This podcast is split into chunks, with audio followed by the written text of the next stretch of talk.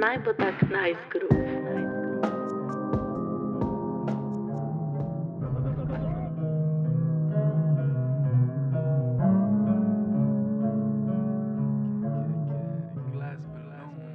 What's up? En lepo zdrav v drugem delu sodelovanja s TEDx University Ljubljana. V tem delu bo z Necom v šestih epizodah spoznavala letošnje TEDx University Ljubljana, govornike in govornice. Upam, da sem to zdaj prav izgovorila. V glavnem, pač res osama, ne? ker tako, ponavadi je to full skrivnost do eventa zdaj imamo pa mi da to priložnost, da že prej govoriva z njimi. Tole ni noben izgovor, da pa ne poslušate eventa, ker v bistvu zdaj sem sploh ne bova prša do teme govora, ampak hočem spoznati govornike in govornice iz vseh drugih možnih perspektiv. Za uvod, mogoče da razumemo, kako sploh zberejo nekoga, da je govornik uh, na TEDx University of Ljubljana. Torej, Um, okrog gre nek tak Google Form in v bistvu se lahko prijavi kdorkoli, oziroma kar se večkrat zgodi, tebe nekdo prijavi. No, in potem mora v bistvu ekipa programa iti čez vse te prijave in jih filtrirati na podlagi nekih kriterijev in pa intervjuja z vsakim posameznikom. Finalisti pa so potem zbrani in dodeljeni enemu mentorju ta mentor jih pa potem vodi čez cel ta proces priprave govora, od osnutka pa do končnega izdelka na odru TEDx University of Ljubljana. In kot prva govornica TEDx University of Ljubljana se z nama z Necem danes pogovarja Urša Ferjančič. Urša ima tako hudo temo, da ima kar dva mentorja. In sicer Matijo iz finančne matematike in pa Meto iz biokemije mogoče če združimo finančno matematiko, pa biokemijo, pa malo razmišljamo o tem, kaj bi lahko ta tema bila, že sami lahko prijete do zaključka. Ampak, tako vam bom zdaj povedala, njena tema je neuroekonomija. Mislim, to je res, res, res zanimiva tema, o kateri se da tako veliko pogovarjati, in nama zdaj sem je bilo fulfino. Upam, Urša, da je bilo to tebi, če tole poslušaš pa da se bo še kaj oglasila pr nama. Uživite! Če vse tri na hitro nekako predstavimo, da bo, da bo folk vedel, koga posluša, ker to je v bistvu najprvi podcast s petimi ljudmi, ne? Kar je v bistvu tako, ko se gledaš, je dosta razumljivo, mm. kdo govori, ampak ko je pa samo audio, je pa lahko precej um, težko ne pokapirati. Tako da, uša prijančič, ne? Ja. Sprav ti si govornica. Ja. Uh, Povej točno, kaj študiraš. Uh, jaz študiram na doktorskem študiju na ekonomski fakulteti, uradno sem na smeri finančni management, ampak ukvarjam se pa z euroekonomijo. Ok, in kako, kako ti je, oziroma ne, preden hočem že um, meta. Ja. Uh, povej, ti kaj študiraš? Jaz sem pa študentka biokemije, sem zdaj absolventka do diplomskega študija.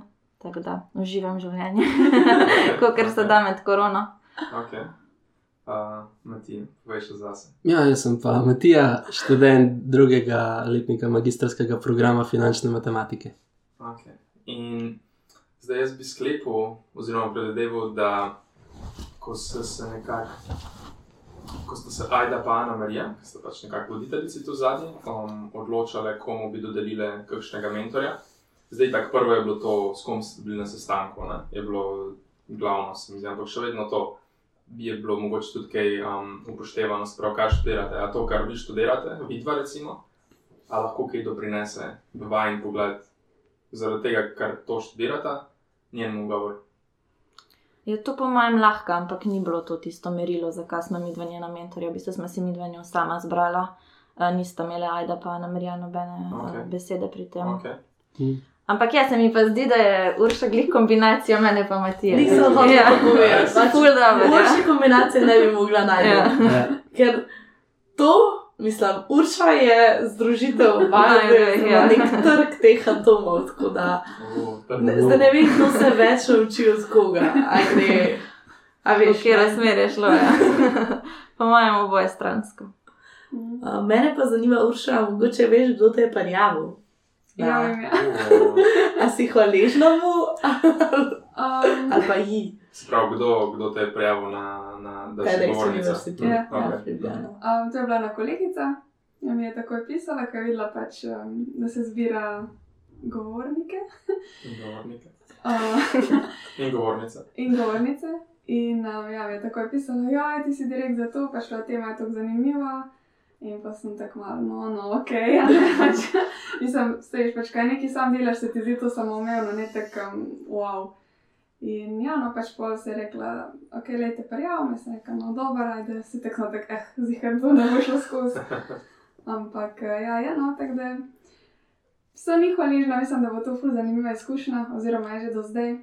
Um, pač kdaj, ko imam ful pestro, pa treba kaj narediti za govor, mi je tako, oh, še to zdaj. Ampak mislim, da na koncu um, overall bo pa ful fajn. Mm. Se pravi, ta proces delanja govora je tako ful dolgotrajen.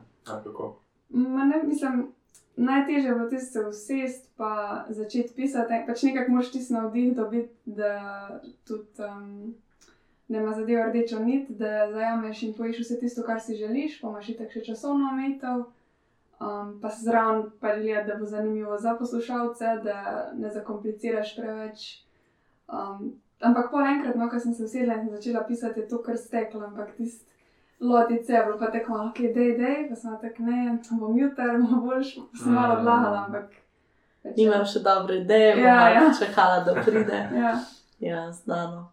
A pa tako, ko si pisala, ne, ko si se Mhm. začela, a si imela v mislih direktno, se pravi, poslušalca, kako bo on dojel tvojo zgodbo, a si šla tako bolj, a veš iz sebe napisati, Mhm. zdaj, kako, je, kako se je tebi zgodil. Pa, V prvi vrsti sem po mojem razmišljala o tem, kaj bi jaz rada sporočila, kaj bi rada povedala. Um, pol, pol nekako, ko sem pa eno os, osnutek imela, sem pa pač imela v glavi še to, kako bo to pa poslušalec dojel, a ne, a smo nekako na isti valovni dolžini ali ne. In kako si se dejansko na začetku lotila pisanja na papir? E, ja, Na, na to mesto brez- je na papir. Sem videla papir tako neki. Mm, Veliko lažje je samo tako svoje misli prelivati na papir, kot pa na komp. ne. pač par sem si nekih um, točk napisala opornih, um, ki bi lahko rekla, da zdaj služijo kot neki odstavki govora, pa, pa Mhm. tisto razviješ naprej.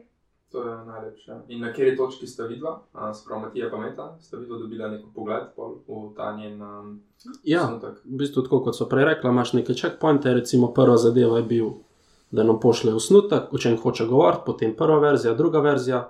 In naša ekipa na vsakem koraku pokomentira, a vidi rdečo nit, a se jim zdi kakšen primer v redu, take zadeve in pa lahko ona iterira. mm, sorry, z ta vaša ekipa, vidva, ne? Izven tega ne gre govor. V smislu Urše. Cela ekipa lahko pogleda, pa da feedback. Ampak da. Mhm. Ja. večini je. Oh, wow, okay. O, zanimivo. Več veliko več ve. feedbacka. Ja, pa jaz, jaz bi se tukaj res um, bi se držal tega, kar sem prej rekel, da preveč ljudi ni dobro, pač več glav več ve. Jaz se tukaj, kar se tiče feedbacka, ne strinjam. Unpopular opinion. Uh, Ampak ne, je unpopular opinion. To. Jaz bi tudi tukaj rekla, v bistvu, ko sem dobila feedback od vseh, a ne, Mhm. pač je bilo zanimivo pogledati, ampak se mi je zdelo, da je full, ne vem, da moče kdo ni tako razumel kot sem Ja. jaz in je pol komentiral čist, pač iz čist neke druge perspektive, pa v bistvu tako kar mal si uno, wow, overwhelming, pa še Ja. ja. je bilo njih komentarjev in vse. Ja. Pa sem tako ne, jaz to vem, kaj govorim, ne se mi zdaj tukaj meša. Ja. Um, tako da ja, jaz sem se s tabo strinjala, no, da dva se mi zdi mogoče trije max. Jaz bi tukaj spravil, če bi šli mi lahko na začetek, ne? se pravi, Mhm. ko, ko ste vi začeli sploh sodelovati skupaj um, v ekipi, da bi šel vas feedback od preostalega, preostalega dela te programe ekipe, ne? torej ostalih kot pet ljudi. Um, ali tudi, plus Ana Marija pa je da sklepam. Ne? Ja. Ja. Okay. No, njun, njun feedback bi se mi zdi tako um, smotrn. Ampak vi, preostanek a, te programe ekipe, bi pa mogel biti feedback čez vaju. Sprav, vidva bi izvedla feedback, ga predelala in pol mogoče neke istočnice, ki se vam zdijo dejansko, pač, a, da lahko ki pomagajo govoru, pol prenesejo, a, da bi to pol prenesla uši. To bi se mi zdel optimalen način. Mhm. No, zdaj bom jaz tukaj kontra temu šla. bom rekla, da včasih pa tudi, sicer jaz osebno isto ne maram tega feedbacka od ljudi, ki sploh niso pravilno dojeli stvari, ampak ok. Je pa stvar v tem, da včasih ti glih tak feedback da neko kreativno idejo ali pa rešitev, ali pa si ti rečeš nekaj, kar je meni samo umevno, njemu ni. Mm, In še vsem bo pač ta govor tako zelo poljuden, ne, ne bo ni specifično za neko strokovno publiko. Tako da jaz vidim tudi tukaj nekaj smisla. Mm. Jaz se je takrat pač pa vse to življenje, nek balans na koncu. ja, ja, to je res. Ja. Kaj pa vidno, mislite o tem? Po mojem, smo mi obrali za nas mentorje lažjo pot, no, da si jim pomagamo med sabo, mm. da pač združimo poglede. Ampak ja, verjetno bi bilo malo bolj smiselno, um, mogoče skozi znaju napisati komentarje ali pa sam, da bi mi dva predala, ne bi bilo tako overwhelming, zdaj milijon mm. informacij naenkrat. Um, ampak ja, no, tudi vsi komentarji niso bili ekvivalentni, ja, niso napisali, da je super, super, super. Ana, pač nismo se enako zauzeli, ona je najna, no, mi smo se najbolj potrudili. Yeah. ok, ok, razumljivo. Pa bi vidva rekla, da je vajen študij, spravo Matija, finančna matematika, meta pa biokemija. Biokemija. Biokemija. Teh uh, bio, mikrobiologija. biotehnologija. To je jaz to mešam. Bionik. Pa velike biotehnologov. Ker sem jaz tako iz zunanje perspektive, jaz ker recimo ne vem veliko teh različnih um, razlika je med temi smermi, ne? Uh -huh. um, kemije, biokemije, um, ful težko si uno zapomniti, ker ne vem, na kaj ne se navežem, ker noč ne vem o tem. Ne? Uh, ampak tako, a se ti zdi recimo, da tvoj študij da ima karkoli veze recimo, s tem, uh, z neuroekonomijo. Ja, ima zelo velike. Okay. Uh, zdaj, ne vem, kako lahko gremo v detajle, ampak ja, v bistvu neuroekonomija se ukvarja tudi s fiziologijo človeka in kako je to povezano z ekonomskimi mhm. odločitvami. Fiziologija človeka je pa biokemija. Ja, okay. Tako da. Ah, okay, ja. sprav, to je biokemija. Okay, ja. hm, razumljivo. Ja. Zdaj si boš zapomnil. Hm, uh, bom se potrudil za pamet. Uh, biokemija, ok. Hm. A pa si dala kakšen feedback urši prav iz nekih svojih znanj, bi rekla? Uh, ne zdaj specifično, da bi se kakorkoli v kakršnokoli raziskavo upletala s svojim biokemijskim znanjem, ampak mogoče mi pa svetovala pri kakem primeru. Um, ki lahko malo več pove, ki lahko malo manj pove, uh mhm. -huh. biokemijskega, ja, mogoče v tej smeri, uh -huh. ne pa preveč pa te tako specifično zanima ta neuroekonomija. Uh, ja. ja, zelo zanimivo. Se mi zdi, da še ni dosti razširjeno to področje v Sloveniji in ima zelo velik potencial. Sploh mi je všeč to združevanje različnih področji, se pravi biokemije, ekonomije. Da ti neko različna znanja finance. združiš. Finance, pa da zelo žalostno. Finančne matematike. da to združiš um, različne kadre ne, in skupaj nekaj ustvariš novega. Ja. Zdaj, če se uh, sam vrnemo na neuroekonomijo, ali lahko nekako nek, na, nekak, na nek dober način povzameš, kaj točno je neuroekonomija. Um, ja, čisto tako nasplošno jaz rada rečem, da pač je to neko področje, ki združuje ekonomijo, pač poslovne vede, finance, vse, kar to zajema, uh, psihologijo, pa neuroznanost. In seveda tudi biokemijo, ne? ampak to je nekako tako um, bolj uradna definicija, bi rekel. In v bistvu zdaj s pomočjo spoznanj, ki jih imamo, predvsem iz psihologije in neuroznanosti, pol nekako razlagamo ekonomske um, odločitve posameznikov, um, v bistvu, da bi jih bolj razumeli. No? Zdaj preveč pa ne bi šlo v detajle. Ja, no, to je bilo po robu, bo. Ja. Teme govora hodila. Ja. Kaj pa ti, Matija, sprav finančna matematika? Uh mhm. -huh bi rekel, da spada neuroekonomija v nekak, neka tvoja zanimanja. Ja, definitivno. Tudi sam sem imel par predmetov na ekonomski fakulteti in sem sodeloval s parimi neuroznanstveniki, mm. če se tako reče. A, tudi pri teh predmetih, ne vem, kvantitativne vedenske finance in podobne zadeve. Uporabljaš, pa se učiš o nekih dognanjih neuroekonomije. Tako da, ja, bi rekel, da je moje področje kar povezano s tem. Jaz se bi tukaj navezala, glih, uh, preden si prišla, uh -huh. sem večkrat pogubljala, ker pred kratkim je uh, prišla pred mene ena, ena knjiga, ki je v bistvu dela pa se pravi, če mi poznamo nek behavioral economics, je pa to bolj finančna plat tega. Se pravi, fokusi, raziskava je bila fokusirana samo na to, kako investitorji reagirajo, um, glede na zdaj. Razne faktorje, tudi recimo je njih, njihova mm, svetovalec v sobi, takrat, ko oni um, sklepajo nek posel, kako to vpliva na njihovo odločitev. In mi je bilo zelo zanimivo, ker je raziskava združvala neke čisto osnovne ekonomske tako, definicije z finančnimi parametri, se pravi, koliko visok bo vem, kredita, pa interest rate, ki ga bo oni mhm. sprejeli na nek del. Um, pa nikoli prej nisem pomislila. Mhm. Je pa tudi bilo tukaj zanimivo, da poznaš knjigo od Daniela uh, Kahnemana, seveda. Ja. Uh, no, da oni tam na uh, Thinking Fast and Slow. Mm. Aha, okay. Ja, uh, Nobelova nagrada. Mm. 2002, mogoče. Ali pa prej, ne vem, no, v glavnem. In je, bila, je point je, da oni tam navajajo to kot neko, nek fundament te znanosti. Ne? In pa zdaj moje razmišljanje tukaj je bilo, da je pa ta neuroekonomija, je pa sam še tisti biokemijski delček zraven in tako. Ja, ja. Tudi jaz si tako v bistvu predstavljam, mislim to mi je nekako osnova, ne, ki ja. se je ja. začela v bistvu z vedenskimi, uh, vedensko ekonomijo, ki načeloma združuje psihologijo in ekonomijo. Neuroekonomija pa v bistvu še malo ena stopna višji, ki pa poleg psihologije in vsega združuje pa še ta um, neuro- oziroma biokemijski jezik. Se to je zdaj težko pač protočne meje postaviti, ampak tak nekako. Se pravi, gre bolj za neko metodologijo preučevanja. Ali je v tem distinkcija, ali je, ne vem. Ja, imamo tukaj težavo, če konceptualno mm. si predstavljati, mogoče razliko med behavioral economics. Pa... Ja, jaz bi rekel, da um, ja, v bistvu zato, ker pa pa seveda tudi teoretično, ne, ker noter potegne čisto eno drugo mm. Vejo, ne pač neuroznanost, tega ni načeloma v vedenski ekonomiji. Mm.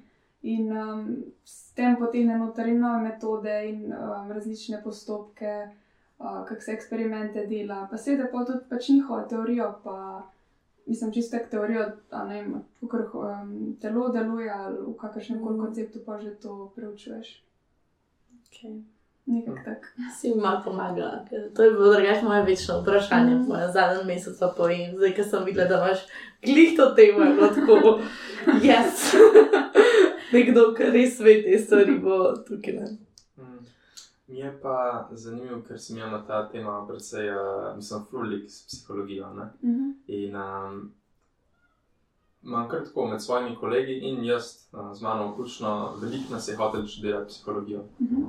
Um, ampak potem smo, ne, spravo, ko so začele točke šteti, uh smo bom zaključil zdaj to, spravo luči prežigamo, da se ve, če je temno. Uh, ja, uh, yeah. bom tisto lučko prežigal, pa bo jih pravilno. Ampak ja, uh, skratka, um, psihologija je res taka ful zanimiva stvar. No? In ful folka, ki jih to zanima, potem zaradi nekih točk uh, mm -hmm. nismo uspeli priti tja in pa smo posledično mogli iti na neko drugo fakulteto, ki je bil nekako plan B.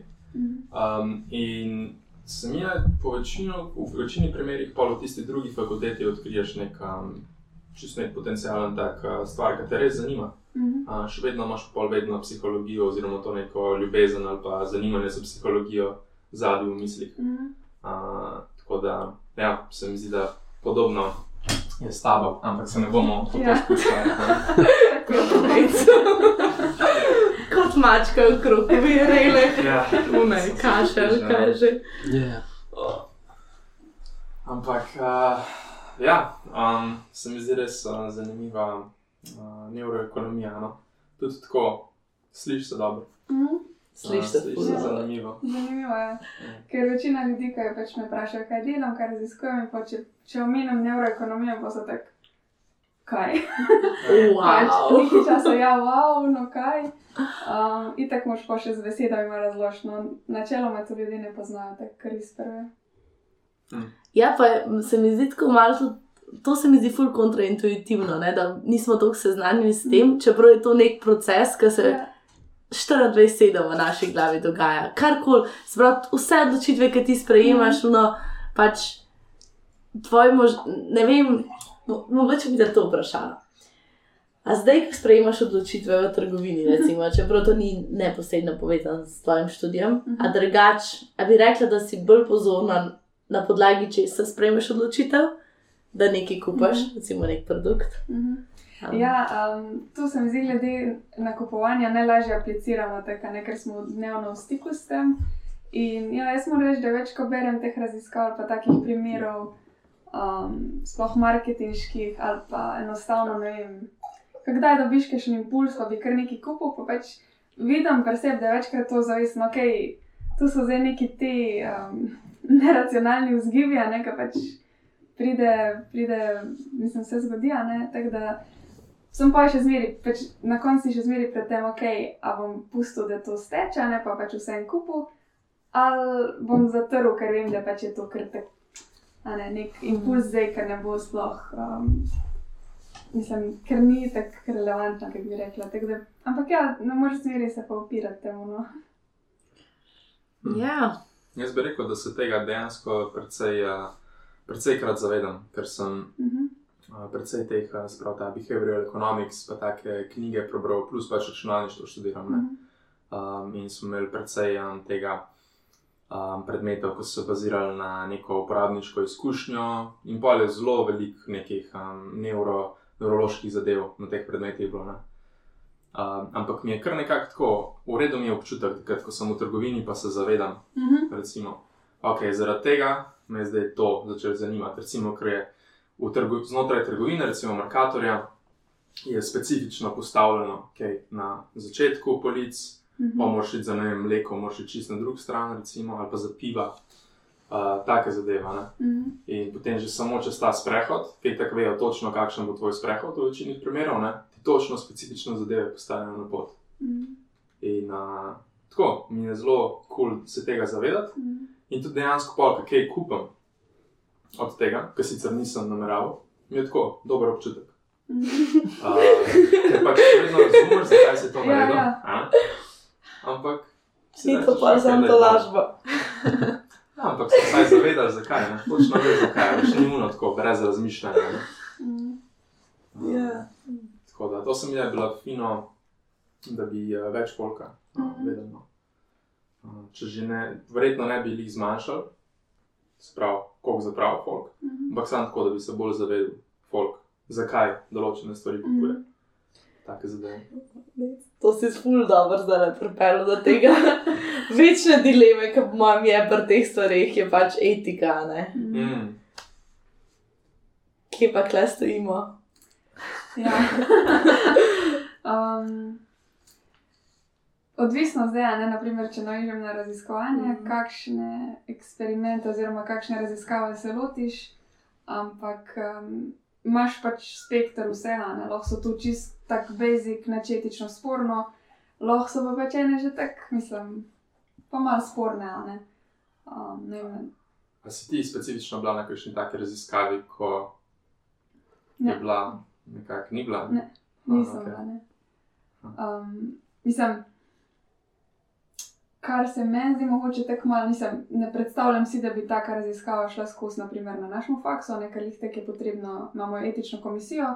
In za vsako raziskavo, ki se je lotil, je potrebno pripraviti um, gradivo, vse opisati, postopke itd. Uh, in pač pa oni presojajo, ali je to etično sprejemljivo ali ne.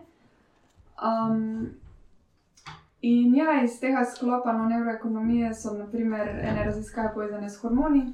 In zdaj se, če ti hočeš ugotoviti res to, da nekaj povzroča nekaj, ne? ni druge, ker da naprimer manipuliraš vrednost hormonov. To pomeni, da bi lahko naprimer ljudem dodati hormone, kar je za moje pojme tako malo. Mislim, nimam do znanja o tem, kaj ti to lahko medicinsko mm. povzroča, ne? ampak se mi zdi tako malo še edi zadeva. Mislim, čeprav raziskave so bile narejene, tako da očitno neke etične komisije so to sprejele. Sprav, um, lahko ja. opišeš dejansko ta primer. Sprav, um, z dodajanjem nekih hormonov osebi, potem kaj želijo doseči. Um, ta raziskava je bila v bistvu narejena na. Um, študentih. Eni skupini so dodali hormone, um, testosteron in kortizol, drugi pa ne. ne. In pa so pač ugotovili, da tista skupina, ki je prejela te dodatne hormone, je um, se odločila bistveno bolj tvegano. Uh, in to so bili in moški, in ženski. Mm -hmm. ko si jim dodal, uh, se pravi, kortizol in testosteron. Mhm, Mislim, da je. Uh, ali lahko sam poveš na hitro, kaj je testosteron in kortizol? Ja, testosteron je načeloma pač moški spolni hormon, ampak um, te raziskave, ki jaz berem, so ga povezovali z nekim takim agresivnim, um, dominantnim vedenjem, tudi s tveganjem, pač malo te tako Mhm. dvigne. a ne. Uh, Medtem ko kortizol je pa v bistvu tudi imenovan stresni hormon, um, se pač pojavlja v tem fiziološkem odzivu na stres. In um, z, z vidika teh raziskav je zanimivo, ne, ker v bistvu se nekako predpostavlja, da tvegane situacije so tudi um, stresne na nek način, oziroma povezane s stresom. Ja, višjo, višjo raven teh eh, stresnega hormona imaš, ne? Ja. To bo Ja, hotel, ja. povedal. Dejansko Sklepam, da je ful veliko temu, ne, se pravi, različni hormoni pa pač te možganske, možganske procese je pač na tem tvojem, Ja. a, tvoji Ja. smeri. Ne? To je moj del. Zdaj se mi ta ful zravnala. Um, se pravi, re, ti imaš, sklepam, da predvsem močno um, razumevanje vseh teh hormonov, pa njihovo delovanje in na te, in na pač nekega povprečnega človeka. Ja?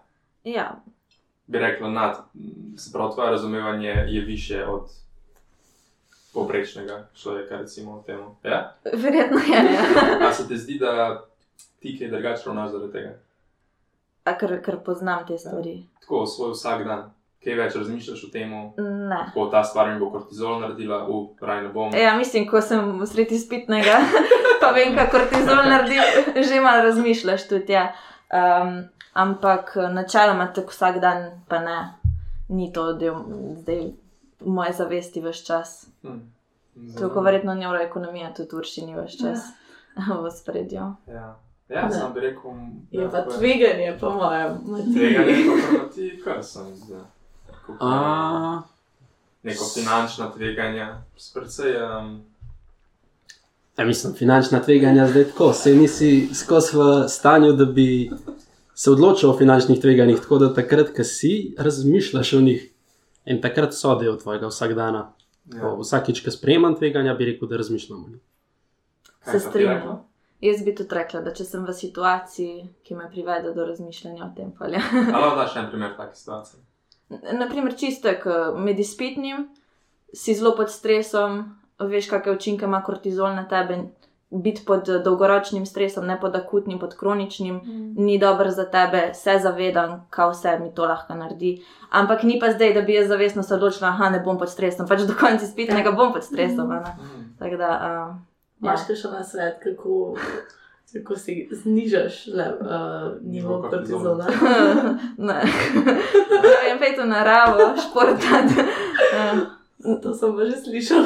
ja, po mojem lahko vsak to reče. Ja, ne sej. Ja. Hm.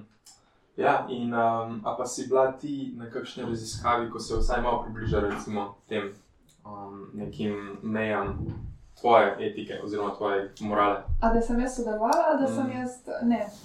Ne. Mm. Kaj pa, mm, mislim, sej, ne, če gre za neko raziskavo, ki je tako akademska, se mi zdi, da še nekako sprejmemo to etično, Mhm. Mogoče vprašljivost. Sam težava nastopa v mojih očeh, takrat, ko se to komer, eh, komercializira. Ne? Mhm. Uh, kako pa, kakšen imaš pa ta vidik? Recimo, čisto marketinško. Tako, recimo, eye tracking, ne? Mhm. To je mogoče, kaj ti upiš, kako gre. Um, ja, eye tracking je pač neka um, naprava, v bistvu očala, um, ki beleži uh, gibanje očesa. Tako da s tistem v bistvu dobimo vse podatke, naprimer, um, če ti gledaš eno sliko, kaj boš prvo pogledal, kaj boš drugo, koliko časa boš se na vsaki točki zaustavil. Um, skratka, tako zelo um, podroben potek tvojega um, gledanja, pač. Recimo, predvsem pri recimo, oblikovanju uh, embalaže Mhm. ali pa postavitvi ne, produktov.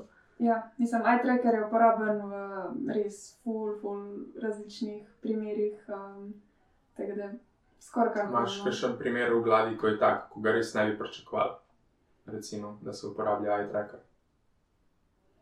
Mm, pa to prav ne vem, ampak um, vem pa, da mi je zadnjič, ko sem ene članke brala, me je tako malo mogoče presenetilo, pač pozitivno, no, ker uh, sem videla, da so eye tracker uporabljali za to, da so um, v bistvu dal ta očala gor ljudem, ki so pol opazovali različne um, prostorske ureditve in pa so na podlagi tega v bistvu naredili načrt, kako bodo osnovali neko mesto oziroma nek, mm. kako bodo preoblikovali na neko urbano okolje. Mm. Sprav v smislu takrat, ko jim zapaše, so vsest, kam bojo prvo pogledali.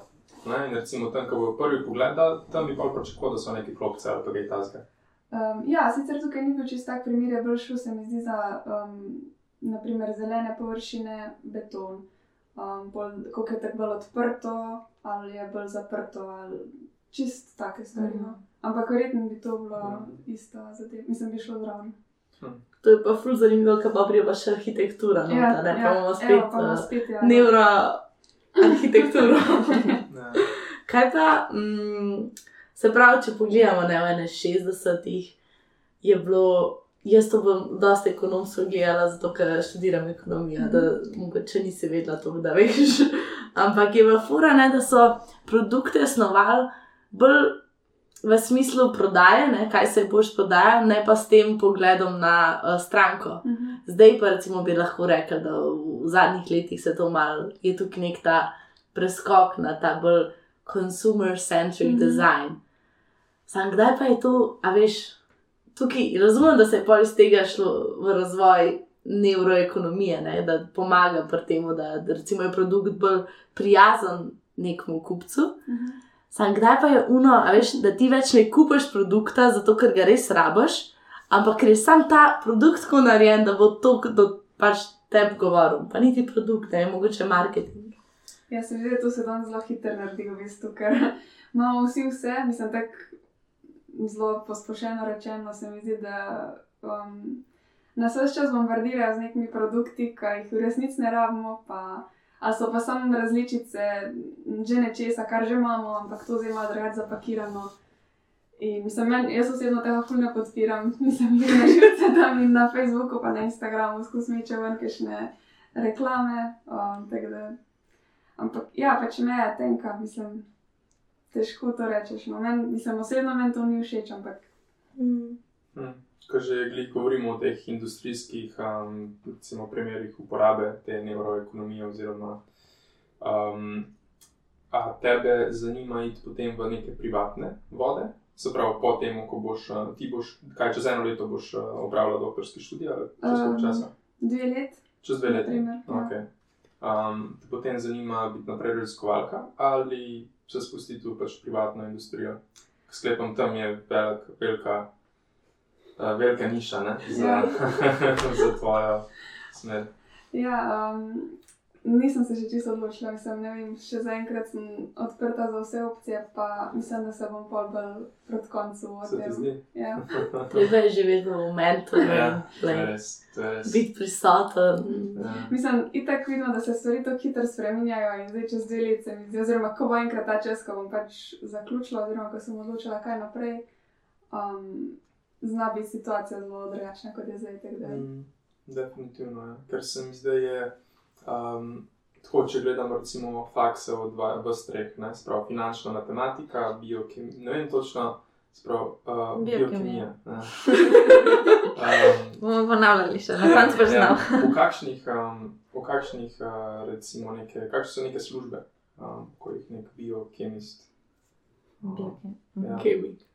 Biokemik, ja, biokemik. Je lahko si čisto v akadem, pač akademskih krogih, se okay. pravi, da si na kakem inštitutu raziskuješ pa lahko greš industrijo, farmacevtsko, mm, lahko okay. forenzično, um, zelo različno. No. Um, no, ja, skratka, hotel sem reči, da v bistvu so vse te tri zadeve fult tako nekako um, uporabljene v, v neki industriji, ne, v privatni mm. industriji, um, še posebej pa tvoja. Ne, in mm. smija tvoja je tako specifična, ko se pravi, tvoja uša, uši, govorim. um, ker je tako, zdaj, odvisno, koliko ti želiš biti nekako etičen, ne? koliko se želiš svojih etičnih načel držati. Ker um, v bistvu sklepam, da nekako, kar, če greš ti v privatno industrijo, um, boš potem verjetno poveč, uh, tvoj cilj bo povečati um, neko um, mogoče prodajo ali pa povečati um, mnenje kupcev o pač izdelku ne, oziroma o neki storitvi. Mhm. Uh, sklepam, da je bolj tako uporabljeno. ne. Um, Ja, če se gre v ta, mm, mislim, če se gre na področje marketinga. Ne? ja. Če ne pa, mislim, kaj pa je recimo čisto na finančnem področju, Mhm. a imaš kakšen primer, kako se uporablja um, neuroekonomska veda? Um, ja, zdaj finančno mislim. Um, zanimivo mi je to, kar tudi um, bo počela ena kolegica, um, pa tudi en podoben projekt delamo na to temo, da um, se naprimer prebira letna poročila. Um, in pol v bistvu, ker ta letna poročila podjetij so vsak let daljša in se nekako tisto bistvo zgublja. Ne? In so pol raziskave, da s pomočjo trackerja ugotavljajo, če ljudje, ko berejo te, ta poročila, sploh hojo kaj gledati. ne. Mm. Ali dejansko, um, ali pač, ker preberejo vse, ali pač samo določene stvari, ki jim padejo v oči, pa naprimer sploh ni vsebinsko pomembno. Um, tako da to je zdaj ta prvi primer, ki mi je padel na pamet. Hm, hm, dejansko kulska. Matija, kaj bi pa ti tukaj komentiral?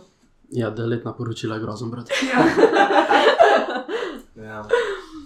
Hm. Mislim, da se pa skrivajo kakšne informacije. Ne, definitivno, ogromno informacij je noter in veš, da jih je koristno brati, ampak vse ni moje najljubše pravilo. To. Ja, ker je tako balastno. In mogoče le tukaj bi neuroekonomija lahko izboljšala to izkušnjo, a ne? O, za nekoga, ki bo mogel brati finančno poročilo. Ja, mislim, jaz tukaj razumem, da v bistvu te, ta finančna poročila, ko se naredijo na koncu vsakega leta, um, je ponovadi tako, da ima pač vsebuje čisto vse informacije. Ne? In potem, glede na to, katere zadeve ti želiš dejansko vedeti o njih, še posebej, če je to javno podjetje, ne? um, potem greš samo pač pogledati točno to, kar tebe zanima. Ampak ja, tukaj vidim mogoče neka um, aplikacija pač teh tvojih zadev. um, da bi pogledal te zadeve, ko jih ne, ko sklepam pa, da je v ne, nekih podjetjih neka oseba, ki mora brati vsa ta finančna poročila, še posebej v vladi. Ne, sklepam, da so neke, ne, da se pač um, belež, a v redu poslujejo pa take zadeve. Ja, Ja, definitivno. no, ampak sklepam, da oni rabijo samo tako, ne vem, glavnih osem informacij zbrati ali nekaj takega, neki, neki, neki kljubce, ki jih morajo narediti. In uh, potem, da bi v bistvu že na podlagi tega um, raziskave, da bi jim direkt samo vrgel teh osem zadev. Ne? Ker če to pogledajo na vsakem finančnem poročilu, je dosti, da sam to ve. Um, nekako tako.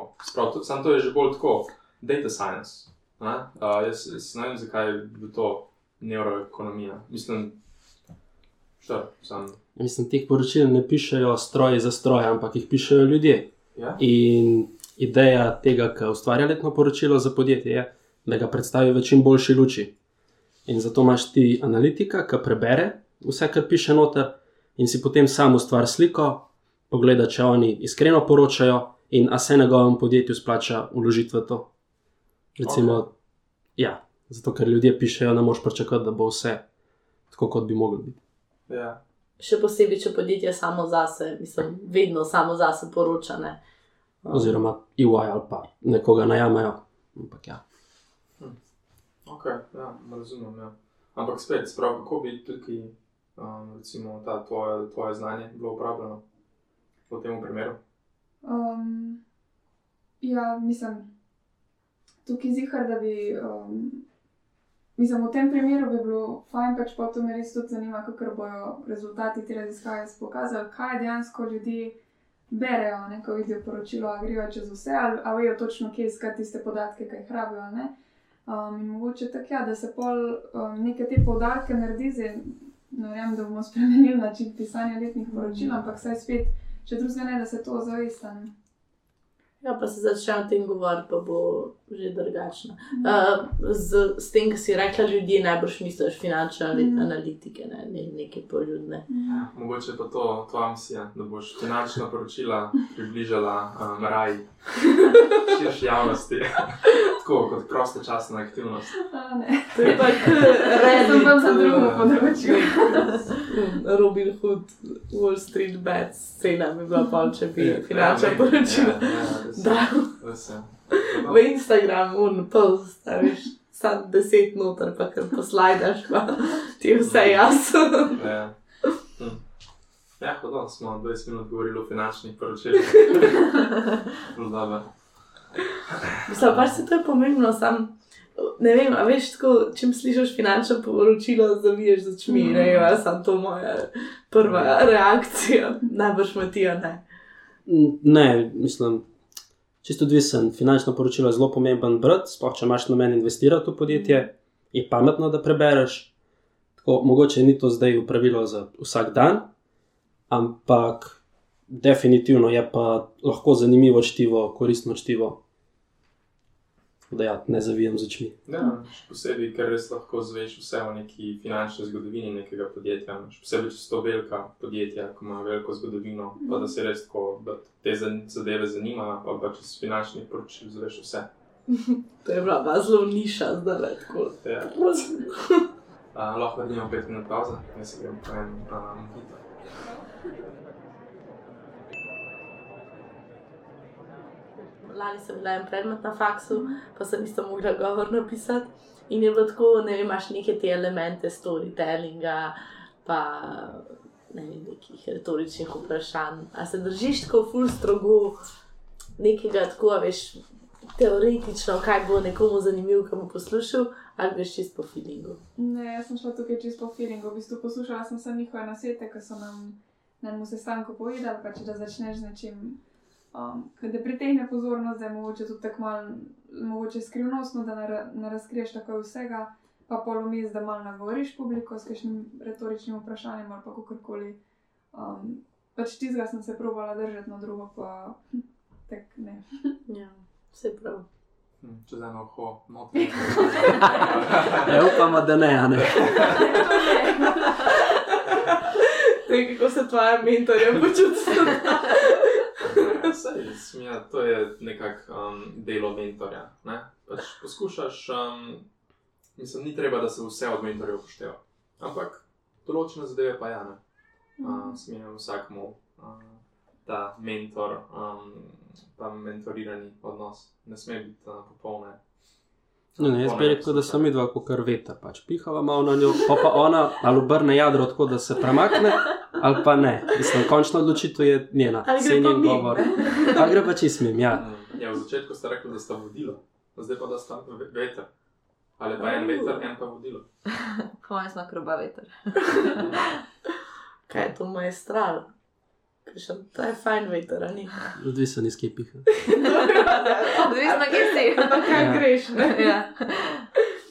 Ne, se v bistvu tudi zgodi včasih, da, da pridajo od različnih ljudi različna mnenja. In pa je urša tisto, ko se odloči, če ga bo mnenje bo upoštevalo. No. Pač na koncu je vse na urši.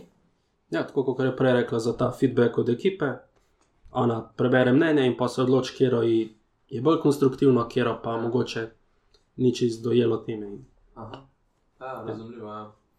Um, zdaj, zanimivo mi je, ker v večini teh uh, pogovorov, ki smo imeli z vsakim izmed ekipe, mm. po 21 ljudi, vse skupaj, mm. smo imeli v večini pogovorov, vsaj v mojih pogovorih, um, je bila ena izmed tem, to, da se oseba počuti, uh, da bi lahko imela nek TEDx govor, ne? nek desetminutni govor, ali pa ne.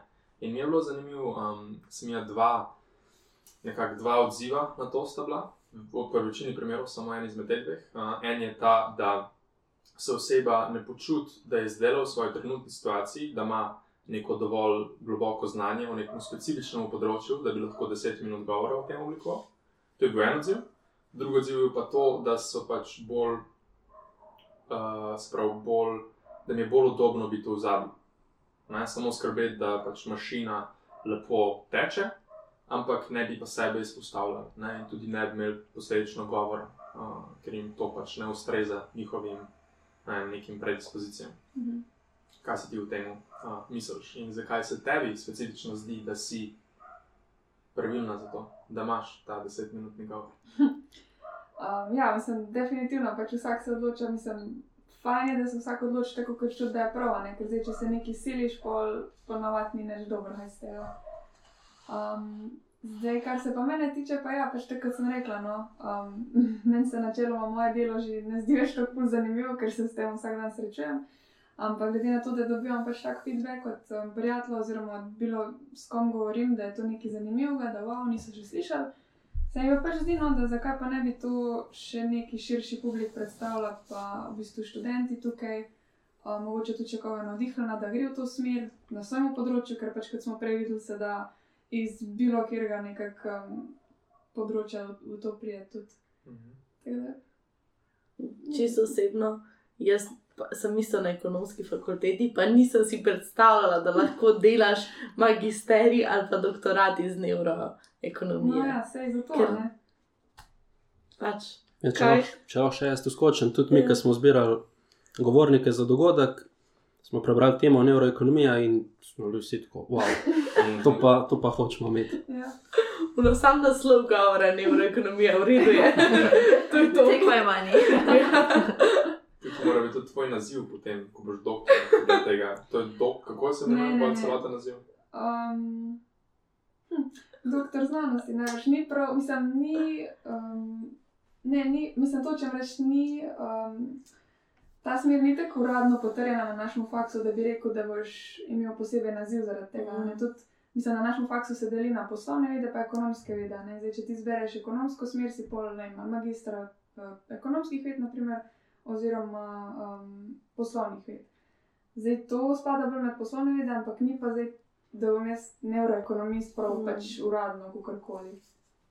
Jaz sem mnenja, da bi se ti mogla nekako to dobiti. Na nek način, zihar se da. Ja, mogoče bi se lahko nek department uh, odpreti, ne? Um, Tako da lahko začnemo ja. filati paperwork, mogoče čez dve leti, bomo kaj premajali. Okay. Čez dve leti boš ti doktorirala. To je ja, idealno, zala. to je idealno. Okay. Okay, veš, mogoče, kako je s tem v tujini? A tam je to mhm. prav svoj študij? Um, ja, več je v tujini tega, kar pri nas mhm. um, so v bistvu prav smeri. Um, mislim, dejansko lahko tu študiraš, predvsem na magisterijih, kar sem do zdaj gledala, ker je bolj. Um, izbirno. Ja. In na doktoratu potem. Ja. Mislim, se to v bistvu sklepam, da predvsej vaše skupine, ja. magisterij pa doktorat. Ja, ja. Mm. Okay. Um, čeprav jaz se na magisteriju prej tem nisem več učila, ne? to je bilo zdaj čist ekstra. Sorry, ne če smo že omenili, kaj točno si, um, iz česa si magistrirala. Um, se pravi, spet pač uradno je bila to smer bančni in finančni management, se pravi okay. finance, ampak to je pač zdaj kot nek del financ, mm -hmm. ampak z te neuroekonomske perspektive. Razumem, ja. Okay. A pa je kakšna, kaj vem, recimo za neuroznanost, mm -hmm. jaz sem ja nizozemska, um, kao štab. Ne? Vem, da tudi uh, kakšni moji kolegi, ko so pač uh, zdaj diplomirali iz računalništva in jih zanima iti pol zdaj v neko kombinacijo, oziroma kar v neuroznanost, ne? se mhm. pravi, da komputer, neurolinguistics, karkoli. Mm -hmm. um, vsi bodo šli na nizozemsko. Ne? Specifično v, uh, se mi zdi, da Mesta se ne spomnim, no. ampak um, skratka, ja, a je kakšen, kakšna država, specifično ali pa mesto, ko je glavno v Evropi ali pa na svetu, recimo za neuroekonomijo. Da je bilo prav tako glavno, ne vem, ampak vem pa, ja, da isto na nizozemskem imajo, pa zdaj tudi ne vem točno, ja. na kateri fakulteti oziroma na kateri univerzi imajo prav um, tak smer neuroekonomijo, ki pač sem enkrat gledala in je dobro delovalo, tako je v redu program. Ja, ker mi je zanimivo odločitev, da si šla v Sloveniji ta mm -hmm. študij izvajati, mm -hmm. mislim, delati. Um, Še posebej, če ne boš dobila naziva neuroekonomist. Ne izmišljaš se tega, drob, drugače. Res uh, se mi zdi tukaj velika. Sem dober doktor znanosti, se tudi dobro sliši. Ja, ampak Neuro, doktor neuroekonomije. To, to, se sliši prav grozilo. No. V situacijah sem jo lahko tako dobro uporabiš. No, ko ti nekdo želi nekaj prodati, ali pa kaj veš, vzameš to osebno, dejansko to na osebni izkaznici piše lahko naziv, če želiš. Če želiš. A res? Ja, ti lahko dopiše, vsaj na mačarskem je tako. da, da veš. Ja, jaz bi rekel, da imamo mi predvsej podobno. A je politično. Ja, no, uh, skratka, ona je doktor prava in ji piše to na osebni izkaznici. Da... No, jaz mislim, da tudi če bi bila doktor ekonomije, si tega ne bi napisala na izkaznico. Da... To pa, to je potem to odločitev. Jaz sem eno vprašanje. Glede na to, da je to interdisciplinarni študij, a so tvoji mentori na, zdaj, no, na tej smeri, a so tudi iz toliko različnih ozadij, a ful, blizu sodelujete recimo s psihologijo, ne, s fakulteto za psihologijo ali ne. To me zanima, ker drugače na drugih področjih jaz vidim, da je ful primankljaj tega, ne. Pa me zanima, kako je zdaj. Ja, jaz mislim, da zdaj v mojem konkretnem primeru smo se kar fajn povezali. Um, v bistvu sem dobila so mentorja iz medicinske fakultete, enega neurologa. Um, potem v tej komisiji za doktorski um, pač tale program, ki mi bo nekako pomagal, ne, oziroma, kot si rekla, bi bojo oni imeli tiste znanja, ki jih, naprimer, moj mentor nima. Um, imam pa tudi eno psihologinjo, uh, mislim, iz filozofske fakultete, pač oddelka za psihologijo. Um, imam pa še um, eno iz naše fakultete, um, v bistvu bolj iz področja sociologije, pa še enega tujega, um, mislim, da so nizozemce, um, pa tudi pač iz tega področja. Tako da mislim, definitivno se je treba povezati, no, ker malo vidiš, da to je res tako široko področje, že sem, če tri discipline pokriva in ekonomija, psihologija, neuroznanost. Pač ti veš nekaj o ekonomiji, ima ostalo, ki si, si lahko prebereš. Sam. Absolutno, ful preveč časa bi šlo, da bi zdaj sam vse to v nulo naštudiral. In če obstajajo ljudje, ki to že vejo, zakaj se ne bi povezali? Hm. Ja, se strinjam. Mm. Jaz čakam dan, ko bo um, tako mostra, to iz filofaksa do uh, ja, EFA-ja ja. in pa tako ena taka ta behavioral economics department se odprl. Mm -hmm. To je bilo fulano, ja. tako upam, da prej ne umrem, da se bo to zgodilo. to je highly likely, verjetno. Upam. 70 let. Ker je pač to potencijala in tukaj ni zanimivo, stvari se mi zdi, da bi se tako odkril. Mm -hmm. Pa ne se sam, ne sami, IFO, pa pač psihologija, se je še full teh stvari. Tudi finančno matematika. Ja. Ne, da smo tako tekmeci. No, vemo, smo tekmeci. Ne vem. Hm. Mogoče um, folk na ekonomiji. Ne, ima niti ne, bolj kot mi. Ne, ne, to vse. Ne, ne, da bi. A pa se ti zdi, da bi te še kakšna druga smer zanimala? Um, v smislu, da se ti zdi, da nekako neuroekonomija pokrije ta dva zanimanja. Mm, mislim, da zaenkrat je, je to kar ok, mislim, ker je pač imam še pohod za naštudirati iz tega, kar bi rada, ampak mm. um, ja, za naprej pa zihar tudi še kaj drugega. No. Mislim, se tudi tako se mi zdi, da um, pač vsako leto nekako te izkušnje in vse, kar se ti v življenju dogaja, pripelje do tega, da se ti ta zanimanja, zdaj, če si pač tak človek, mm -hmm. širijo, pa kdaj pride do neke čistih stvari. Ja. In pač bi nekako temu rada sledila, no, kar me bo inspiriralo. Mm -hmm. Trenutno je pa to to. Ja. Zdaj hodila vprašati, kaj imaš trenutno na YouTube recommendations, kaj to veliko mm, ve o človeku. hm, slabo, zato ker imamo v bistvu fulne gledanje. Ah, ok. Tako da te, te moramo razočarati. Do, ja. Dobra navada. ne, sem jaz, da lahko YouTube uporabiš v dobre uh, ja.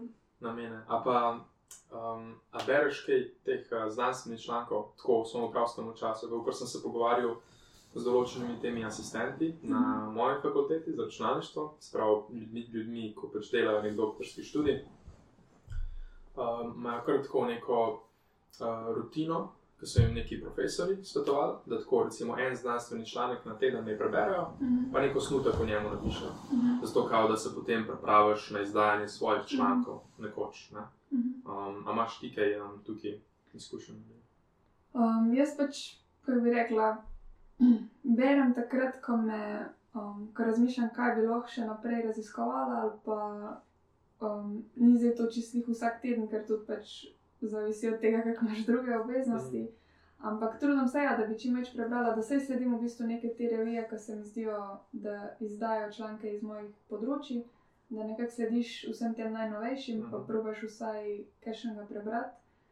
Um, to so prav revije. Uh mhm, -huh. Znanstvene okay. revije. Ja. Znanstvene revije, fizične. Ja, tudi fizično, se da bi zdaj tako več ali manj vse online, ampak mhm. -huh. mislim tudi naprimer, v knjižnicah imamo. Okay. Um, je tudi fizično, ja. to so kar poki. A prav za neuroekonomijo revije. Um, tudi ja, mislim, pač imenuje se lahko. Najem, mislim, to je zdaj spet tako široko. Ne? Sploh povem, naprimer, sem um, provala oddati članku neke revije, ki se mi zdi, da bi bilo tematsko, um, da bi pasal tja. Ne? Naprimer, ena se imenovala Hormones and Behavior, Physiology and Behavior, um, Evolution and Human Behavior, se mi zdi.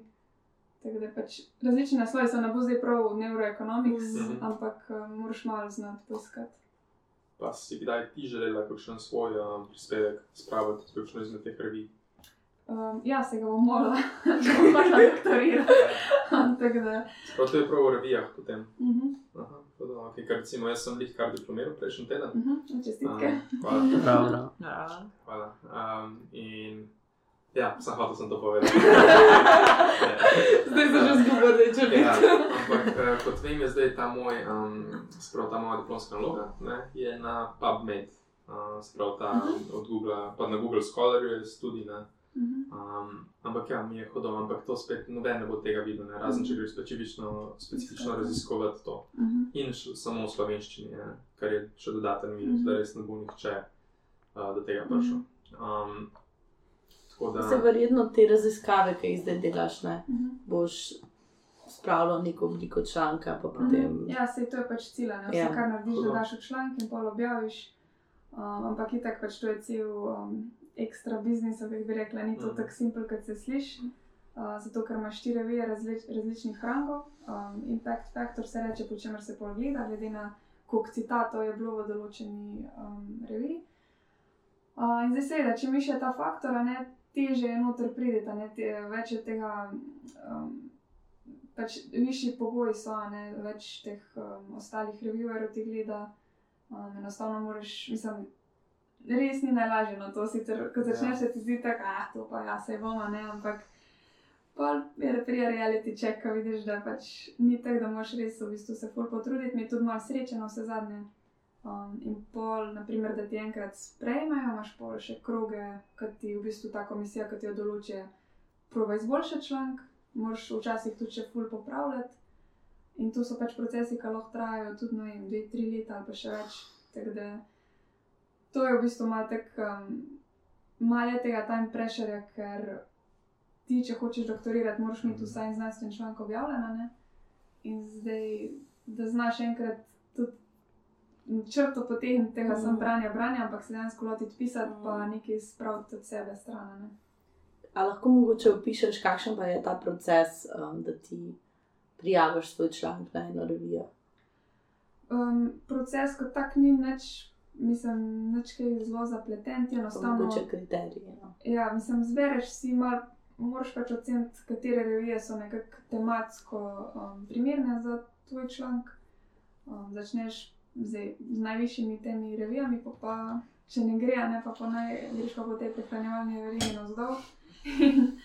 um, pošiljaš pol članek in čakaš, ja, da sprejmejo ali zavrnejo. Um, A pa to so kakšni razpisi, ali uh, pač samo nek mail, recimo. No, Um, naprimer, praktično. vsaka revija ima svojo spletno stran in pa imajo tam vse podatke, v bistvu nek ta submission forum, um, kot neka aplikacija, v bistvu prek katere ti pol daš PDF noter in vse podatke, ki jih zahtevajo. In to je to pol. A je tukaj kakršna koli finančna kompenzacija? Če se recimo sprejme na koncu tvoj Ne, prispevek? mislim, da ni. Ni. Wow. Hm. Kako, kako pa so sploh, recimo, ko si ti nek, eh, recimo, ko boš ti eh, doktorirala in recimo, da bi šla potem ti prav biti raziskovalec na univerzi Mhm. oziroma na fakulteti. Mhm. Uh, to si potem plača strani fakultete Mhm. in v okviru tega potem ti delaš na nekih raziskovalnih projektih. Mhm. Mi- mi Ful ne To so neka evropska sredstva ali pa kaj se Mhm. dodelujejo tem projektom. Po moje. Ja. Ne, poznam ful teh stvari, res, ampak. Kot vem, je edino, da če ti delaš potem neke, mm, kako se to reče, zunanje raziskave, ne, ker niso neposredno prek faksa. Uh, v bistvu moš ti plačati faksu, oziroma univerzi, nek procent, 10 mm. procentov. Ja. Sam, to je en profesor na našem faksu, nam pove, da zdaj, to je tudi iz druge roke informacija. Ja, potem, če delaš raziskave z industrijo, ne? sklepam, da ja, pač te Evropska unija naroči tak. Ja, no, zdaj, če so zunanje raziskave, pa sklepam, da je s podjetji. Po mojem, so evropska. To, mm, to, to šteje kot zunanje raziskave. Ja. Wow. Ja. To je, mislim, to je fully zanimivo, ker ti v bistvu posvetiš svoje življenje. Mm. Tako res posvetiš svoje življenje temu, da na dolgi rok izboljšaš mm. družbo. Yeah. Ja. Vse to mislim, da je kar, mislim, vsaj jaz pri sebi tudi opažam, da je, ko mi pade motivacija, pa ko mm. prije neko tako temno obdobje, vel, ker v bistvu to je tako en maraton, ne pač tu ni nekih hitrih um, nagrad, pa ni hitrih rešitev, pač ti full časa in nekaj raziskuješ, in pol pišeš članek, in ga še izboljšuješ, in pa če imaš srečo, da se objav. Pač se je full zadoščenje na koncu, ampak ta, to obdobje, ko moraš ti biti um, v bistvu fokusiran trdo delati, pa kar dolgo. In pač danes, ko smo vsi tako narejeni, da bi radi čim prej vse, pa čim hitreje, pa tale. Um, Pač konstantno bi radi te manjš, manjše nagradice, pa to je kar kontradiktorno. In se mi zdi, da pač moraš biti kar, pač pa en stran tudi psihično močen, pa videti, zakaj to delaš, da ja. ostaneš motiviran. Zelo jasen cilj, ja. moš vedno. Pa tako zelo sem jim, mora biti tvoja etična načela visoka. Mm -hmm. Da se ti sploh da to delati. Uh, Ker sem na mehkem in ni bilo nikoli jasno, kako je, ne vem, veš, di diplomantov 5000 v enem mm. letu in pa le kar en doktoriral. Mm. En od teh, recimo, letnika 5000. Pa pa, pa ko pogledaš, na kaj vse to počrto potegne. Mm. Je pa res prav poslanstvo. Hm. Nikoli prej nisem tako spoštovala asistentov na faksu, zadnje leta. pač ni lahko. No. Hm. Ja, pa um, tebi ni potrebno biti asistent. Kaj vem, da določenim doktorskim študentom, um, vsaj na Frijo, no, morajo biti uh, asistenti nekaj časa. Pač tri opcije so v bistvu za doktorat, kot je seveda meni, ta, da si mladi raziskovalec, kar sem jaz, in je v bistvu pretežni fokus na raziskovanju uh, malo manjši del na tem pedagoškem, lahko si asistent, ker je v bistvu, mislim, moraš oboje in raziskovati in biti pedagog, ampak so pa nove te pedagoške prevenitve kar velike. Um, tretja opcija pa pač, da ponovadi um, vem, si zaposlen nek druge v eni firmi in pa se odločiš še zraven, da boš delal doktorat. Takrat si pač čisto na free, oziroma um, se res fokusiraš samo na to raziskovanje, ampak je pač še to, da imaš zraven službo in je potale um, balans, pa ima tudi kar težko držati. Ja. ja, odvisno kako ti paš, bi rekel. Ja. Jaz sem sam pri sebi odkril, da mi je ful prijetno imeti uh, več projektov naenkrat. Um, tako da, hm, ker sklepam potem, da tudi to, kar bi delala z nekim podjetjem, ne, bi mogoče neka finančna kompenzacija višja. Um, Raziskovanje pa manj, ali kaj tasga. Hm. Vse je odprto, mislim, ful imaš različnih opcij, tukaj se mi zdi, da je res odvisno od um, ja. tistega primera, za kar se pa odločiš. A pa vaju, Matija, pa Meta, vaju kaj uh, zanima, doktorstvo? Uh, mene osebno zaenkrat ne, bolj vidim svojo vlogo v privatnem sektorju, ampak mogoče v prihodnosti sem pa odprt, zakaj pa ne. In pa pravi iz te, te zadeve, kar zdaj le, uh, magisterij delaš, torej finančna matematika. A doktorat? Uh mhm. -huh bom razmišljal o tem, če se bom odločil za to. Ne, ampak če bi se zdaj lahko odločil. Ja, pol bi rekel, da je to logična izbira, ali pa kakšne data science zadeve. Mhm. To smer me bolj vleče. Okay. Ti imaš ta? Če bi se zdaj mogla odločiti, mm. bi se pa mojem za odločila. Ja. Mm. Dve maratonki imamo. ja. Ne, zelo zanimivo, ker recimo, pa, ko si opisala, ne, kakšen moraš biti uh, kot oseba, da si primer, iz primernega testa, sem bila pa vse ne, tole jaz, da ne pisem. Ampak ja, to je kar ustrajnost. Mm -hmm. In pridnost um, je meni ni to lepa, lepa beseda za opisati človeka, da je priden, ampak bi bila neka ustrajnost, pa ful visoka, tako vizualizacija tega cilja. Um, mogoče edin, kaj pa pedagoško, um, tako, a si kdo želi učiti, da je na faksu od vas. Mogoče najprej uša. A imaš tako, a ti je fajn predajati to znanje, no, mislim. Glede na to, da sploh ni to, kar.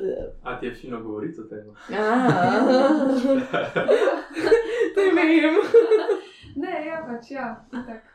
Um, ker je zanimiva stvar, ko imaš pol skozi nekaj bi imela v zadju, da um, pač v bistvu širiš obzorja študentom, da, ker kot si pa prej ugotovila, ne pač to ni ful po, um, poznano in ne, mogoče pa nekdo pol še najde sebe v tem.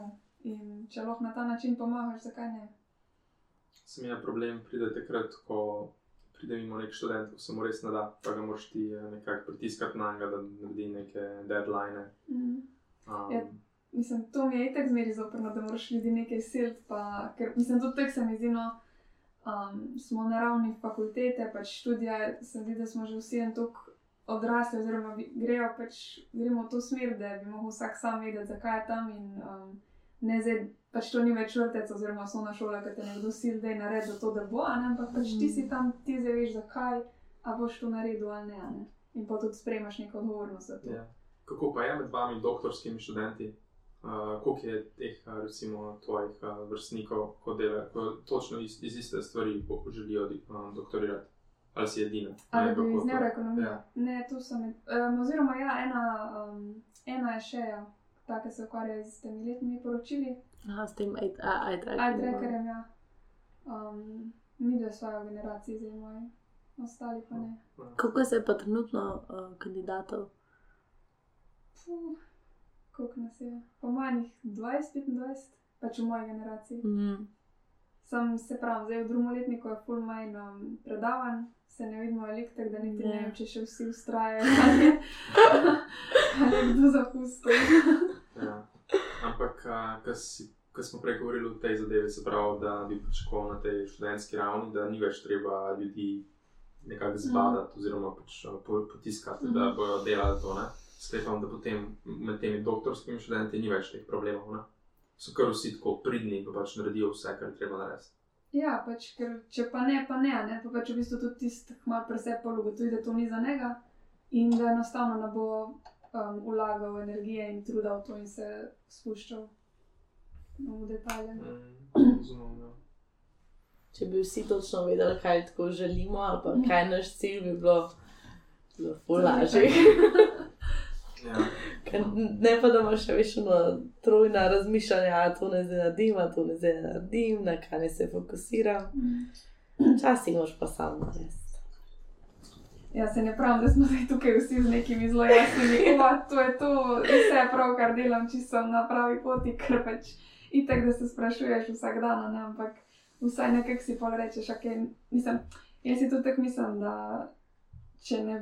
Enkrat moraš nekaj začeti delati, nekaj moraš početi, ne? ker če ne, polo se samo vrtiš v, temu, v teh mislih, a bi to, a bi, a bi uno, a bi tretje, pač moraš probati in pogledaš, kam te pelje. Mm sklepam, tudi ti zase ne moreš reči, da si 100% vidiš v neuroekonomiji. Ne? Še vedno imaš uno neka druga zanimanja, ampak pa zdaj si se za to odločila in želiš to dokončati. In lobby pa še vedno ti malo, ne vem, čakala, pa druge zadeve sprobavala, mm -hmm. ampak lahko pač to narediš. To je pa racionalnost. racionalnost. No.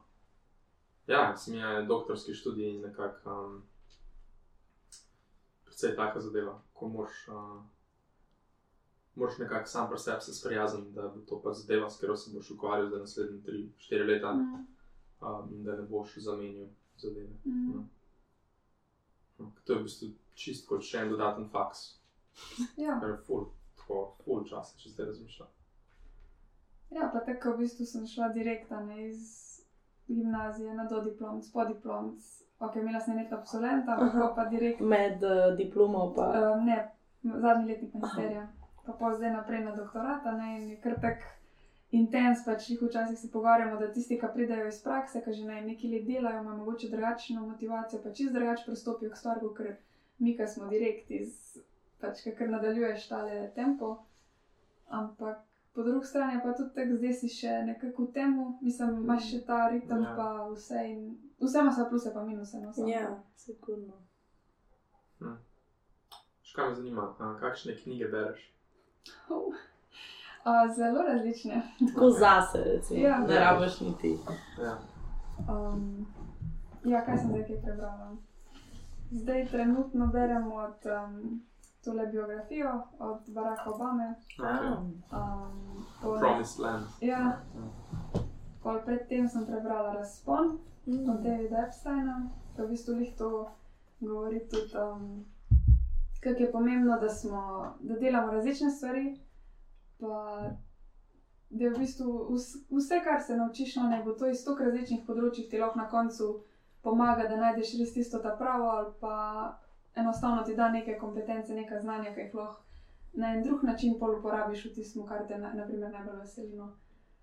Um, pa tako na ful različno rada berem, ali kakšne biografije, ali um, take poljudne, poljudno znanstvene knjige, um, pač o psihologiji, o razmišljanju. Um, Ja, ali pa tudi veseljem, čistke eh, kriminalke. A, pa to je okej, pa, ja. ja, to pa- Kriminalke, a res? Ja, ja. A, A, Se to je, vidiš, ta brain. ja, te, a te je forenzika kdaj zanimala? ja. Ne. Um, tudi sem bila enkrat na eni pol- um, jesenski šoli od Ivaja, uh, ki Uh. sem nam predstavljala um, tole forenzično, kako se že reče. Forenzično Eh, To je, bilo, to je bilo pred leti, eh, ko sem videla eno reklamo za to. Ja, Uh, forenzična aj psihologija, ne, ni nekaj drugega je bilo. Zdaj sploh ne morem spomniti. kriminal, Listika. kriminalistika. Ne, forenzika Ne. ne. nekaj je bilo. Pač ja, um, takrat sem tudi, wow, kaj pa to, a ne. Mm. Um, pa ja, itak, pač to, kar um, profilirajo zločince, a ne, Ja. pač to je tako zanimivo. Kaj pa si hotela videti, ker si bila mehna? Tako. Ne sploh, če sem imela kakšno tako um, izrazito željo. Hmm, Prav ne spomnim se. Res. zanimivo. Ja. Ne verjamem. Ne, res presegam, ne spomnim se, ker nimam razloga, zakaj ne bi povedala, če bi videla. Jaz sem recimo hodila biti frizerka. Nikoli nisem nikogar ustrigla v življenju. Zdaj sem bila štiri, stara takrat. Pa. Štiri si hotela biti frizerka. Ja, po mojem, edina oseba, ki niso bila moja dva starša, ki sem Ja. opazovala poklice, je bila to, ne vem. Frizer. Kaj pa vidva, Matija in Meta? Jaz, ko sem bila čist mala, sem hodila biti kmetica. pa me moja starejša pa zdravnica. Ja, ker si bila čist nova. Mala. Sorry. Ne vem, štiri leta. No, vidiš, razne stvari Ja. se takrat A, ponujajo. dosti klasično za vse mehne fantke. Kmet. Policaj, gasilc. Ne, tale, astronaut ali pa To ne vem, so pol tle. znanstvenik. Ja. Oh. Ja, ja, za me je bilo prvo astronaut, a, potem pa forenzik. Ah, Ja. A, pol pa psiholog ali pa psihiater, to sem se odločil in potem nisem prišel na faks, pa sem še računalništvo. Zdaj pa, who knows, ja, sej. vse je nekako odprto. Ti zala, a ja, frizer. Hvala, ker si še enkrat spomnil. Pa sem hodila biti pa učiteljica, pa sem hodila biti baletna plesalka. Pa imamo pa še fulenih, pa sem hodila biti pravnica. Uh, pa, uh, hodila sem biti vmes še farmacevtka, to se mi je zdaj ful zanimivo. Tako da to malo kemije tam. Ja, zdaj pa ne vem. Ja.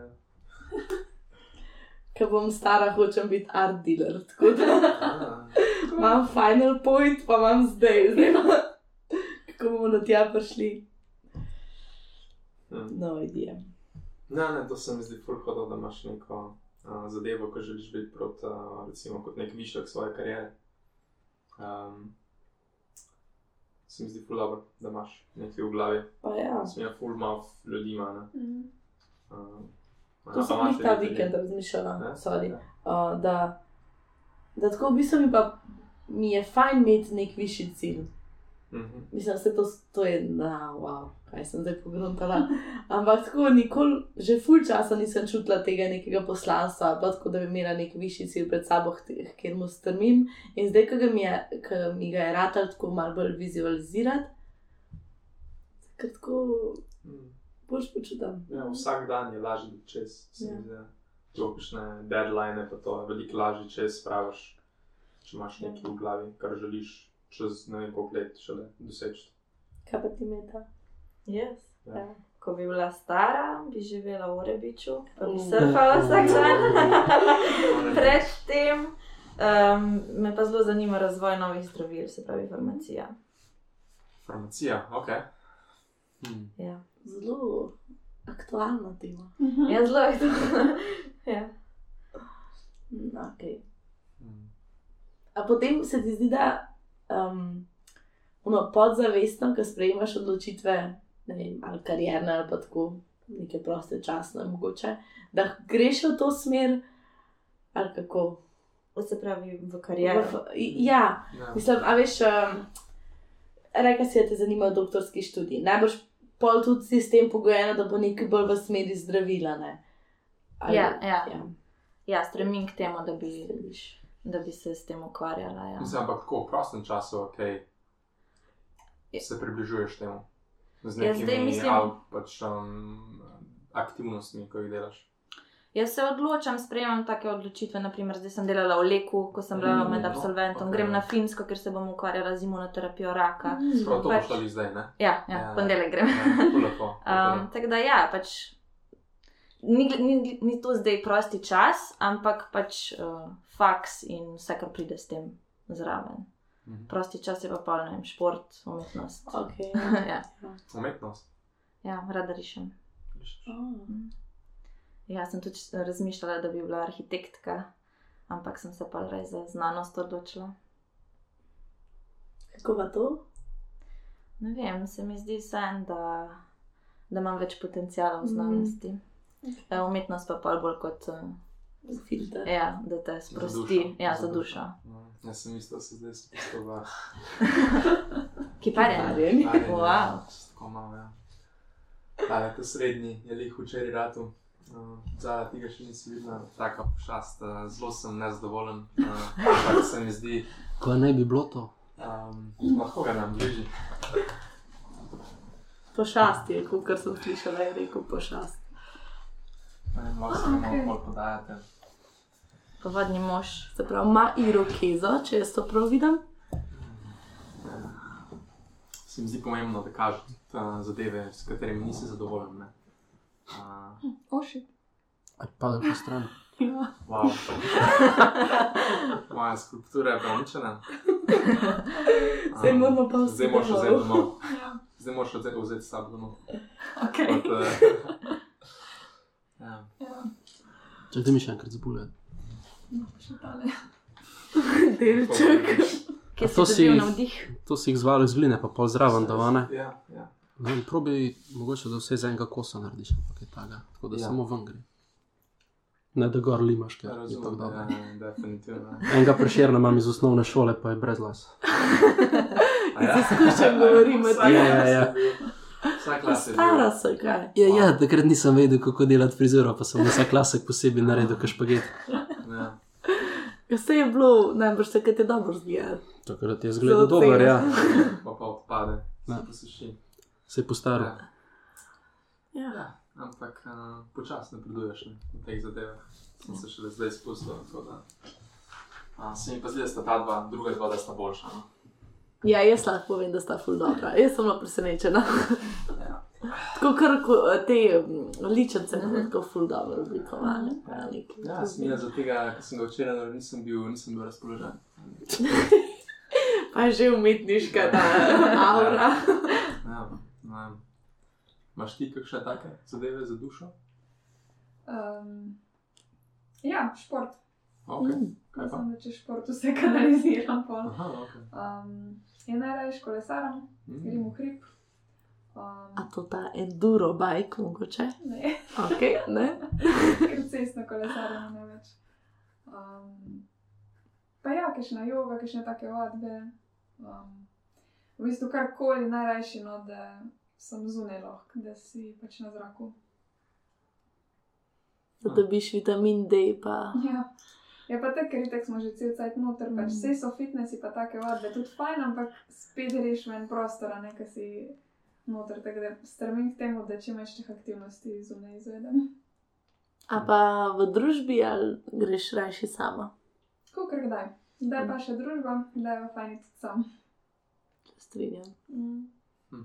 Pa imaš kaj um, ljudi iz te svoje industrije, oziroma to, kar pač uh, mogoče ali kak asistent, s katerim sodeluješ, ali pa mogoče profesor, da ste tako razvili nek um, močnejši stik.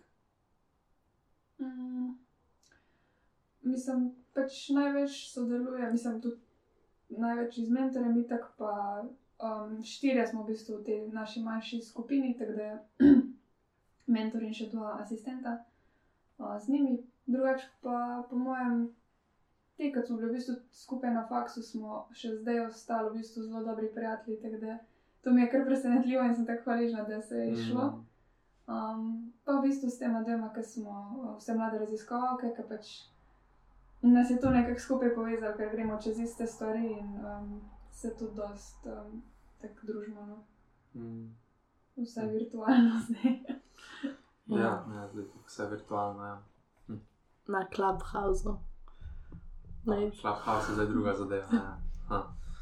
Um, pa imate um, vi, se pravi, vi govorniki, ki vas je šest, um, imate kaj komunikacije med sabo? preverjam, če se govorniki več.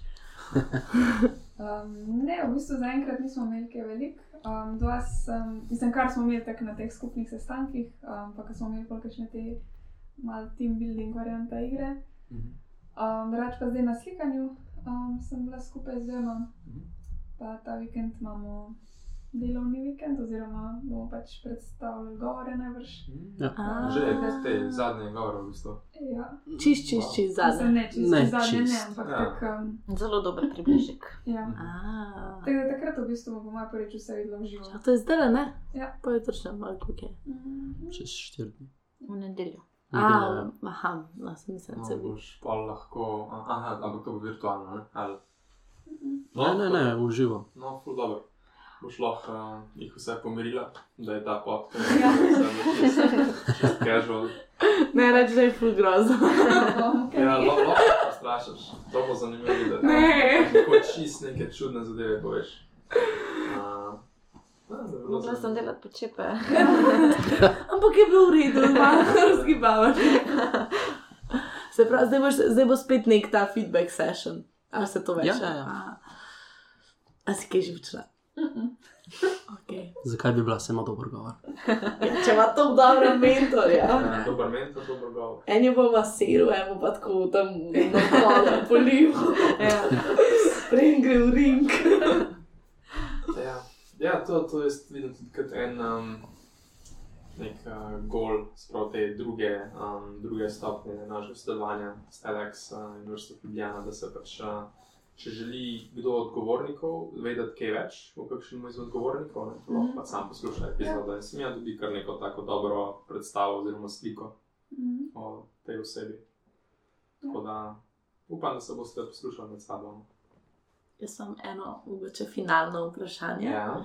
Um, ok, ga bom tako formulirala. Najprej bom vprašala tebe, Urša, kako bi, kdaj se boš ti tako počutila, da, da, si, bila, da si zadovoljna s tem, kar bo, kar bo na koncu na samem govoru. Kaj, kaj bo tisto, tvoj indikator, da je bilo, pač, da je bilo pa zdaj to dobro upravljeno? Um, ja, da bom v bistvu zadovoljna sama s sabo, s tem, kar sem povedala, da bom vedela, da sem naredila najboljš, kar sem lahko.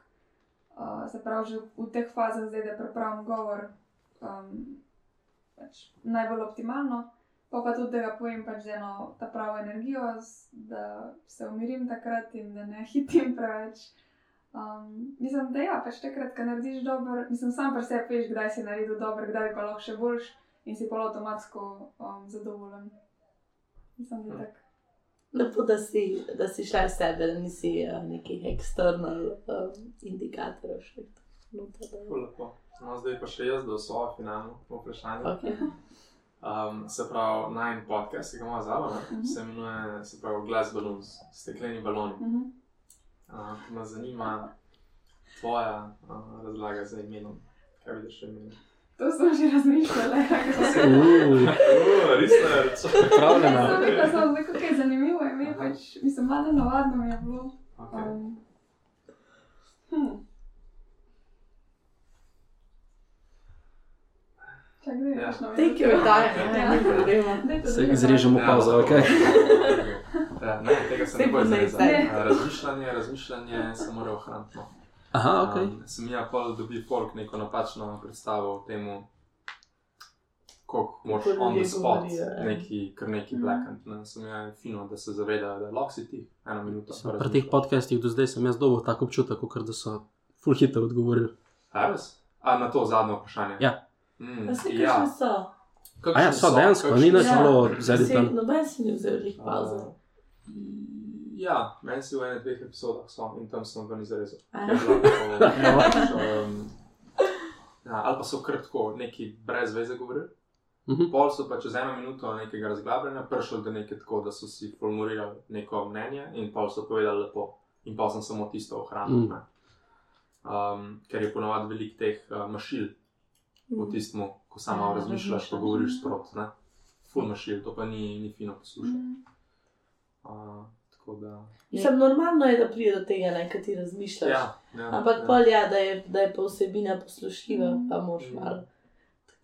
Ja. Kat, kat. Ampak načeloma vedno manj tega dela. Mm. Se mi Mm. zdi, da res, ste rekel, 99% samega podcasta je ne urejenega, ne pač unedited. Tako da. Pa nikoli nisem jih tako editala, da bi, daja, da bi tako ven rezala stvari, pa jih dajala prej, pa da bi dala Oh. nazaj. Ja, Ja, ja res da, da Ne. strukturo kao da držiš ali pa kaj, ne. to se lahko ful zaplezaš. In tudi eh, končnemu poslušalcu ne bo to Mm. spremenilo ne, nekega mnenja na koncu. Ne. Tebi Ja. pa bo ful, ti kot pač producent tega. Ne. Mhm. Um, tako da pol se lahko vprašaš, ali delaš to zase ali za, mislim, a želiš produkt narediti perfekten sep ali poslušalcem.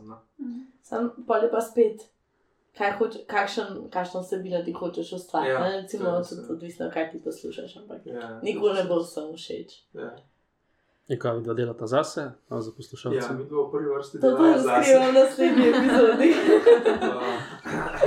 Uh, ne vem. ja, ampak, uh, a imaš?